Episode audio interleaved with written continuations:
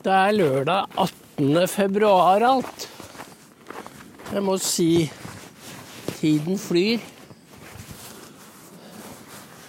I dag var det jo første dag av vinterferien, og det hadde jo vi glemt, fordi da vi kom på Gardermoen for å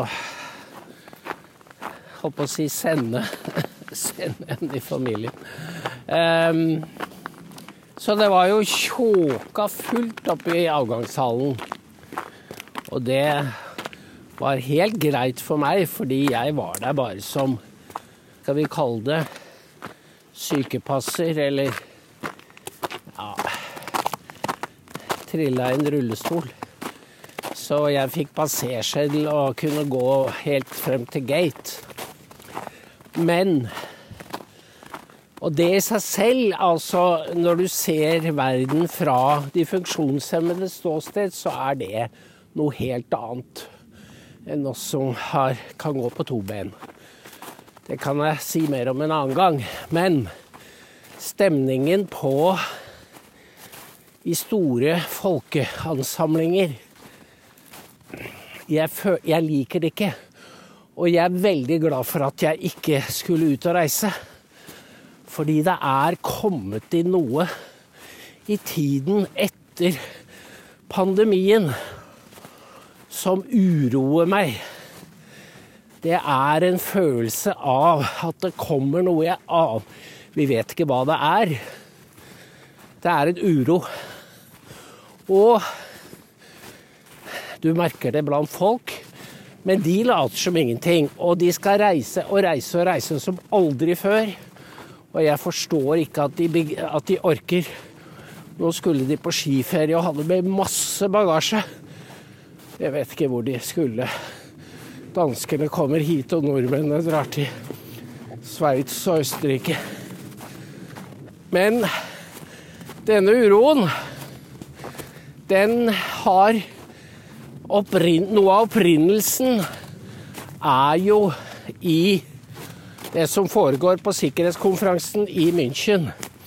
For akkurat før jeg gikk nå, så kom det jo en melding fra NTB om at Kuleba, den ukrainske utenriksminister, var helt sikker på at de kom til å få jagerfly. At det var i prosess. Ja ja, vi får se. Men så sto det midt nedi der eh, Ukraina har også bedt om klasebomber og fosforbomber. Selv om det er forbudt. Og da fikk Støre problemer og ristet på hodet og sa dette er ikke aktuelt. Men det sier jo noe om Ukraina at de tør og be om forbudte våpen. Og når de blir forholdt dette, så svarer ukrainerne Men vi skal bare bruke det på fronten mot russerne. For de bruker det mot oss. Og da må vi kunne svare med samme mynt. Dette er jo utropstegn etter utropstegn. Og jeg er ikke total Altså, det det vitner om De kommer jo aldri til å få de våpnene. Og hvis de er så dumme at de skaffer dem og bruker dem, så er jo all goodwill blåst bort. Men bare det at de tør å si det offentlig, er jo et tegn på at ukrainerne har Eller Kiev, da. Har mistet bakkekontakten. Dette gjør stor skade på deres sak. Men de er, de er så bortskjemt av, i gåseøynene, av Vesten. De har fått det de har pekt på. Og de, har, de forstår ikke at det er en fallhøyde fra denne privilegerte posisjonen. Og langt ned. Og det kan være Det kan jo være begynnelsen på et skisma hvor deler av opinionen skiller lag, og noen politikere vil slå følge. Så var det NTB som spurte Kuleba, men hva med Krim? Og da svarer han du, det ville være som om en fremmed flyttet inn på ditt soverom. Og det skulle du Ville du spørre da, eller be om at den fremmede fikk bli der? Det er jo, er jo helt tunga ut av munnen-svar. Så ukrainerne er ikke helt heldige med PR-opplegget sitt. De har men dette har jo vestlige politikere skjemt bort med at de kan si hva de vil. Og sånn som Jens Stoltenberg Det har ikke vært noe mild Det har ikke vært noe kritikk eller forbehold. Det har vært seier og kompromissløshet. Og det er denne retorikken deres som jeg syns er skremmende, fordi den fører til storkrig. Det er det ingen tvil om. Og det er så mange signaler. Det er eh, Elon Musk har en lang artikkel skal jeg legge ut om Starlink. Dette satellittsystemet som gir internett der hvor bakkesystemene ikke fungerer. Musk har gitt tusenvis av Hva var det de het, disse stasjonene til ukrainerne, som har lovet at de ikke skal brukes offensivt. Men det har ukrainerne gjort. De har brukt det å, i, på fronten. Så nå har da Musk skrudd av den Hvordan han gjør det, aner ikke jeg, men den muligheten er borte. Og, det, og da, eh, kostnaden for dette her er flere milliarder. Så vi, vi ser at partene blir involvert i krigen, og ukrainerne stikker av med Tar hjelperne som gisler. Og samtidig er jo Vesten med på å fyre opp under dette selv. Nå skal Sør-Afrika, Kina og Russland holde marineøvelse utenfor Sør-Afrika. Og det liker vestmaktene svært dårlig. Men de har problemer med å forstå at det finnes andre synspunkter, allianser, enn deres egne. De vil ha den moralske eneretten, rett og slett. Og det er farlig. Fordi disse tre disse tre landene inngår i det såkalte BRICS-samarbeidet sammen med Brasil. Og de jobber for å erstatte dollaren som internasjonal eh, valuta. Og hvis de skulle lykkes med det, så er det Da blir USA degradert i løpet av over natten. Vi ser noe av det samme i sporten. Fordi nå er det et mas om at Saudi-Arabia må kastes ut. De skal ikke få VM i fotball. Det var snakk om VM i fekting. Iltre protester fra Sverige. NRK Saltvedt leder an i denne 'Ingen idrett er upolitisk'.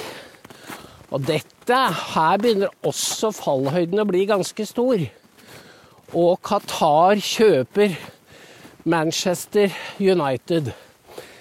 Men man kan ikke få i pose og sekk hvis man inviterer Nå er det tydelig at de rike araberlandene vil investere tungt i fotball. Og så skal Vesten diktere hvilke verdier som skal ligge i bunnen for fotballen utover fair play.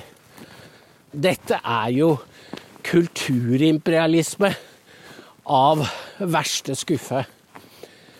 Fordi når eh, den arabiske eller islamske verden hører om at, at transmenn skal få livmor, så skjønner de at dette er en kultur som er på vei ned. Men den tanken streifer jo ikke våre medier eller organisasjonsledere at det er en pris å betale. De tar det den, som den største selvfølgelighet at alle skal være for LGBTQ for å være på den riktige siden. Og dette er en ensretting av kulturen som vi kun har sett i totalitære systemer. Det kan man nå sammenligne med i både i hele Vesten, særlig i USA. Men av en eller annen grunn så er NRK og norsk idrett veldig på LGBTQ også i den arabiske verden. Så eh, man har på en måte det, Dette er som Ikaros. Man flyr så høyt, og man flyr for, for nær solen.